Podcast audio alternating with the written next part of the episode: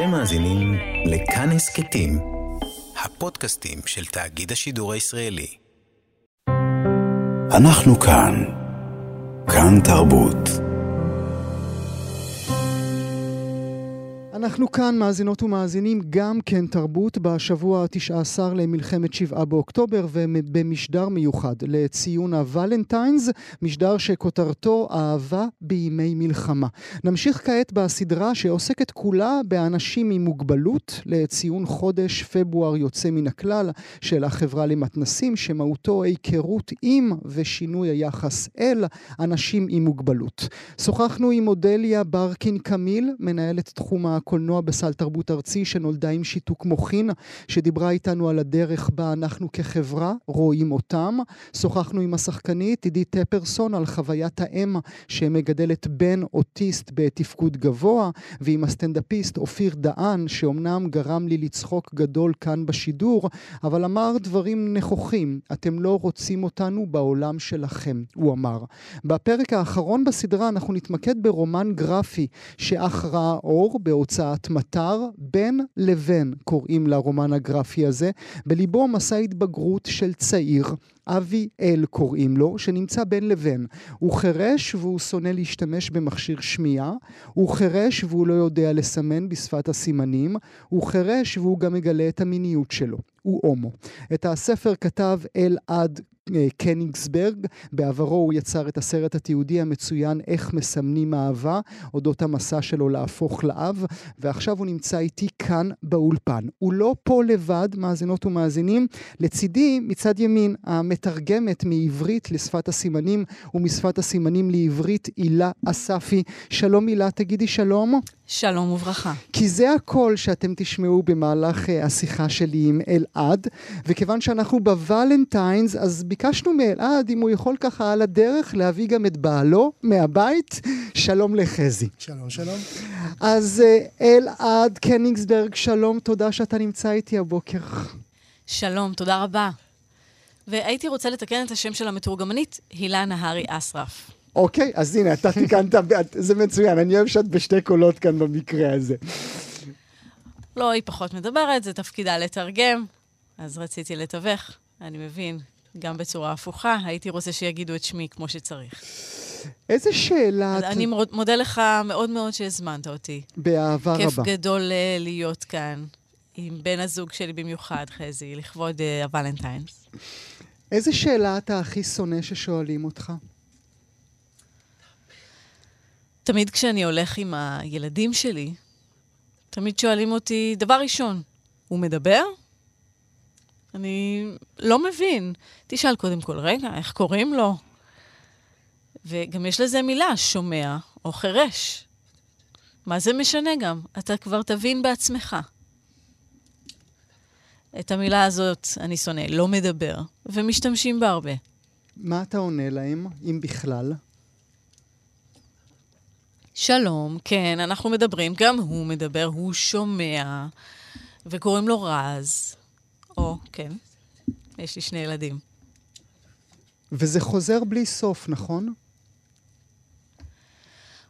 מה נעשה? אה, זה התפקיד שלי בעולם הזה. אני יכול לכעוס ולהתעלם ולהסתובב, או שאני יכול להבין שזה תפקידי. כביכול, כן? אה, להציג את קהילת החרשים ולהסביר שוב ושוב ושוב. אני יודע שצריך לעשות שינוי תודעתי ולגרום לאנשים להבין שגם אנחנו בני אדם. כי החברה, זה לא שצריך לשנות את האינדיבידואל, זה אנחנו צריכים לשנות, לעשות את השינוי. Mm-hmm. זה קשה, ואנחנו צריכים להגיד כן. אנחנו, אנחנו פה... אנחנו קהילת החרשים? נכון, נכון, נכון. אנחנו צריכים, לדעתי, זו דעתי, כן? לא לצפות ולשבת חסרי מעש mm-hmm. ולדרוש. אנחנו צריכים לעמוד, להסביר, להיות נגישים, לעבוד בשיתוף פעולה. אה, אני מבין.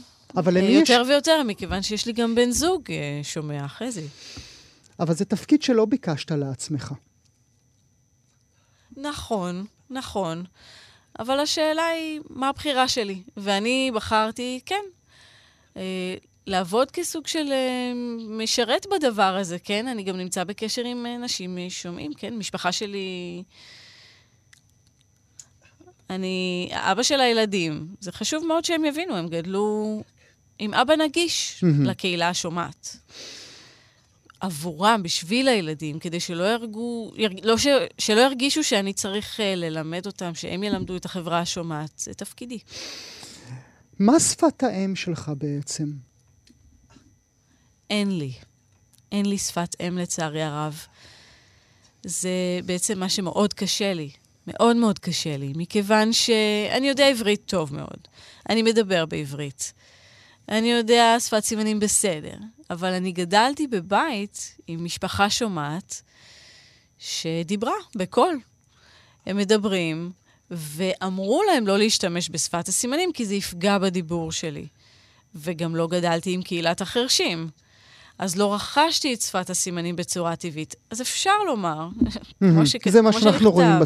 זה מה שאנחנו רואים ברומן הגרפי הזה, אה, בין לבין. נכון, אתה נכון. אומר, אמרו להם. מי זה האמרו להם שאמרו לאימא שלא ילמד שפת סימנים? כן, כן. אה, אנשי המקצוע שעובדים עם חרשים. הם תמיד רצו לנרמל, לא ממקום רע. הם חושבים שזה יעזור לנו להשתלב יותר בחברה השומעת. הוא אמר חושבים או חשבו? האם זה נכון גם להיום? עדיין מנסים להגיד שחשוב לנרמל את הילדים, שזה יעזור לילדים. אני לא מתנגד לזה, אני מאוד מאמין בשילוב. Mm. בשביל לתת לילדים ביטחון.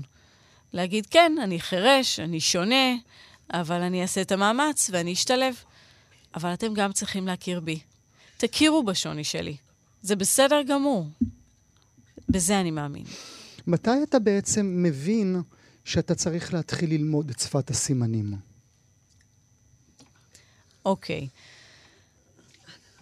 אני... היה לי מאוד קשה להודות בזה שאני חירש. כי כל הזמן אמרו לי, אתה כמו כולם, אתה כמו כולם. ואז כשהייתי פוגש חרשים, הייתי די נבוך. אבל לאט-לאט, עם הזמן, באופן טבעי הבנתי ש... אני לא צריך לחיות עם זה לבד, חשוב להיות, uh, כאילו בגיל ההתבגרות אני התחלתי להכיר אנשים, וגם ההורים שלי שלחו אותי למועדון בתל אביב. Mm-hmm, כמו וש... שמופיע בספר. נכון, נכון. ושם, במועדון בתל אביב, הייתה קבוצת חרשים מאוד חזקה כזו. ושם הבנתי שזה חשוב לסמן, mm-hmm. שזה חשוב להיות בגאווה עם זה, ולמדתי המון. בדפים האלה שאני קורא בספר, עוד אותם אתה מדבר כעת, הרגשתי אפילו תחושה חזקה יותר ממבוכה. הרגשתי תחושה של בגידה בעולם החרשות מעצם זה שאתה לא משתמש בשפת הסימנים. כי יש רבים בעולם החרשים שהם מאוד גאים בייחודיות שלהם, בשפה שלהם, באינדיבידואליות שלהם. נכון, נכון. אפשר להגיד שאני הייתי בשני ארונות. ארון אחד של החרשות וארון אחד של ההומוסקסואליות. וכן, זה היה מאוד קשה. כי תחשוב שאני באה ממשפחה שומעת, אבל להגיד אני חירש או אני שונה מהם, בקהילה החירשת החזקה הזו, ההורים הבינו ושלחו אותם לבית ספר של חרשים. וחלק גדול מהם למד את שפת הסימנים, כן? ואז אה, זה נותן לילדים את התחושה של אני בסדר. Mm. ההורים מקבלים אותי כפי שאני, mm. ואני אתאמץ גם עבורם, בצורה הדדית. היו לך אה, הורים שומעים? יש לך ילדים שומעים? איך שרים שיר ערש לילדים? נכון. אז uh, יש את בן הזוג השומע שלי. אולי תשאיר לנו חזי. אז אני חייב להודות שעד uh, עד שנולדו לי הילדים השומעים, לא הכרתי שירי ערש. זאת אומרת, ההורים לא שרו לי. ואז, כשנולד לי ילד שומע, ואני לא אשכח איך... Uh, שיצאנו מבדיקת השמיעה שלה כשהוא היה תינוק, ואמרו, יש, הוא שומע. ואני הייתי קצת עצוב, כי אני רציתי תינוק חירש, כמוני. ובאותו רגע הבנתי שאני אצטרך לעשות הכל בשביל הילדים שלי, כדי להנגיש להם, להנגיש עבורם, כמו שההורים שלי היו צריכים להנגיש עבורי ולא עשו זאת. אז הנגשה, זה אומר שאני למדתי במיוחד בעל פה שיר ערש. קניתי ספר של שיר ערש, קראתי אותו, ושרתי בקול. עכשיו, הקול שלי לא משהו, אבל שרתי. אה, שרתי נדנד. ובאיזשהו שלב, הם אמרו... תפסיק, מספיק, תפסיק, מספיק. אם אפשר, תפסיק. זה לא נעים, השירה שלך. אה, אז עברתי לסיפורים. גם השכנים ביקשו. כשאתה אומר שכנים, אתה מתכוון לעצמך, נכון? לא, לא, אני מתכוון לכל הבניין. אה, אה, חברה נכון. קרובה, חברה קרובה שלנו כאן בתחנה, גם בכאן תרבות, גם בכאן הסכתים, מאיה קוסובר, דיברה איתי רבות לאורך השנים על כך שהיא נאלצה להיות המתווכת של ההורים החרשים שלה כילדה שומעת לעולם. ילדה בת שש שמתקשרת לעיריית ראשון לציון או אני לא יודע מה וצועקת עליהם על חשבון החשמל שהגיע או לא הגיע או דואגת לבית הספר ככה וככה. איך אתה עצרת את, ה, את המעגל הזה? שאלה מצוינת. אני באמת באמת מודה לך על השאלה הזאת. קודם כל, יש שני הסברים, שני סיפורים, כן? דבר ראשון, זה הדור הקודם.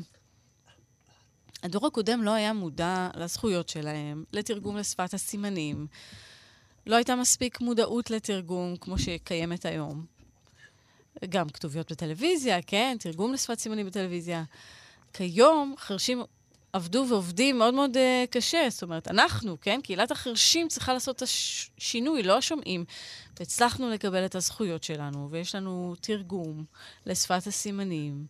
Uh, גם כתוביות בטלוויזיה, אני לא צריך שמישהו יסביר לי, ותודה לאל על הטכנולוגיה. Mm-hmm.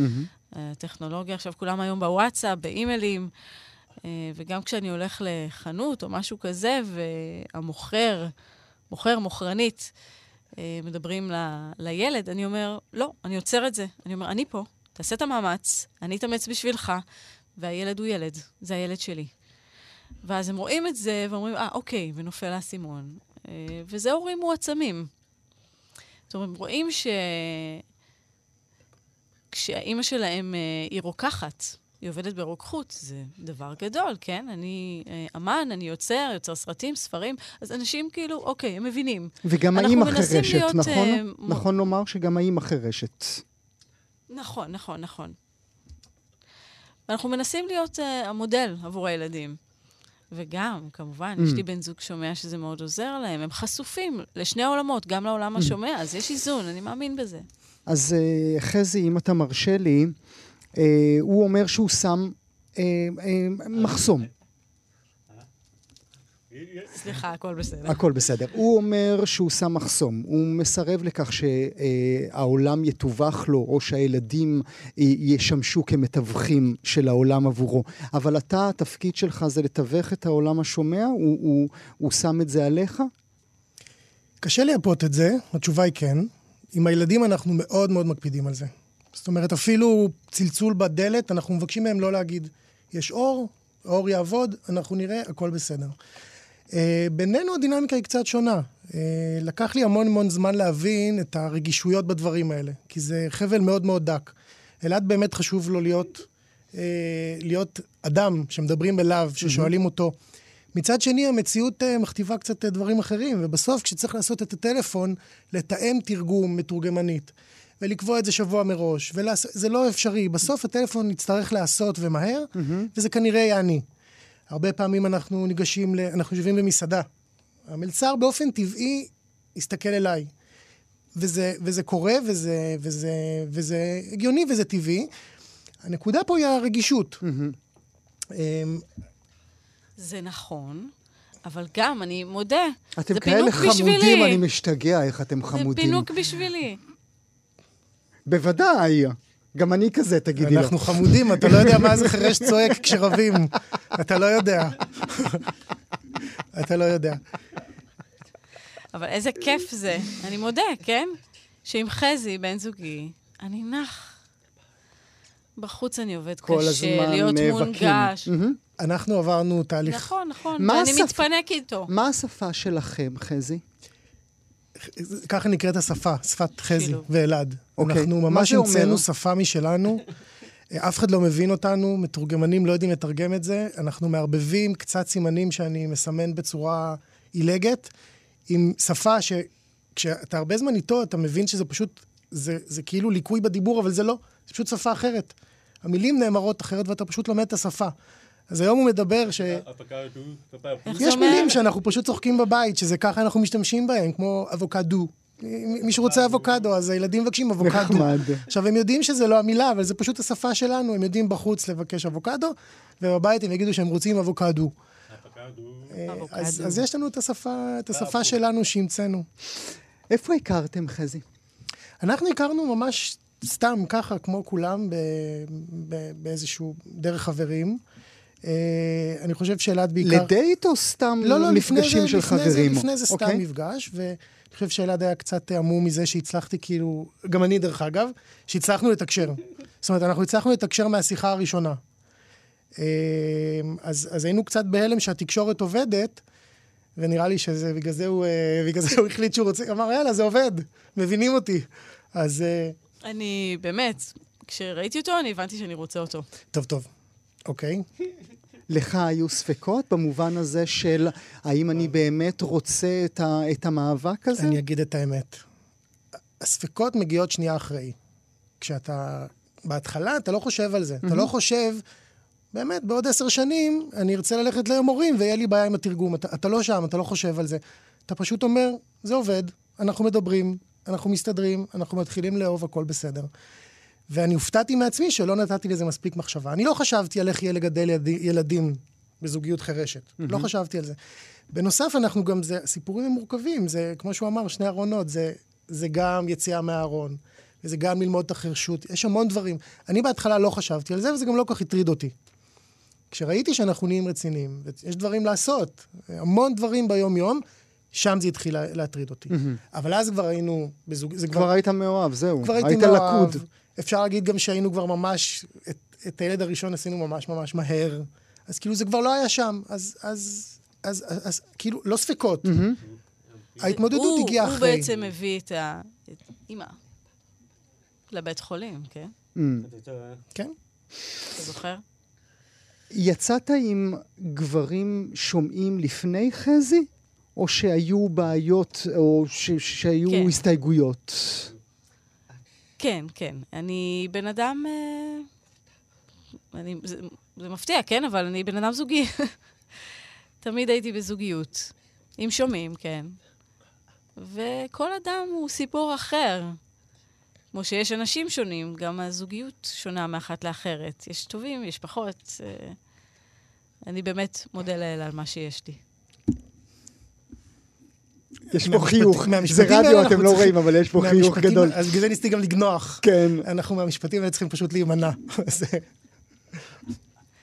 ואף פעם אה, אני לא אשכח שהיה לי דייט עם אה, בחור שומע, וזה היה ממש טראומה בשבילי, כי נפגשנו, הייתה שיחה טובה, היה כיף, זרם, ואז הוא חזר הביתה, והוא כתב, הוא כתב לי, חשבתי על זה, זה לא פשוט, יש לי אחיין עם תסמונת דאון, ואני רואה כמה זה קשה לו, וכמה קשה להורים, אז uh, אני מעדיף שלא לצאת איתך ולעצור בזה. ואוקיי, תגיד פשוט, לא רוצה, במקום להתחיל להסביר ולהעליב, תגיד שאתה לא מעוניין, וזהו, לא, לא צריך להוסיף, כאילו... הזכרתי אה, קודם, אה, אלעד, ש... זה, הזכ... זה התחיל עם האימא והסתיים עם האבא. וזה בדיוק ככה, נכון? התחלטת להתחיל לכתוב את בין לבין אחרי שאימא שלך אה, הלכה לעולמה, וסיימת כשאבא שלך הלך אה, לעולמו. מה במוות של אימא שלך גרם לך להגיד, אוקיי, אני צריך לספר את הסיפור שלי?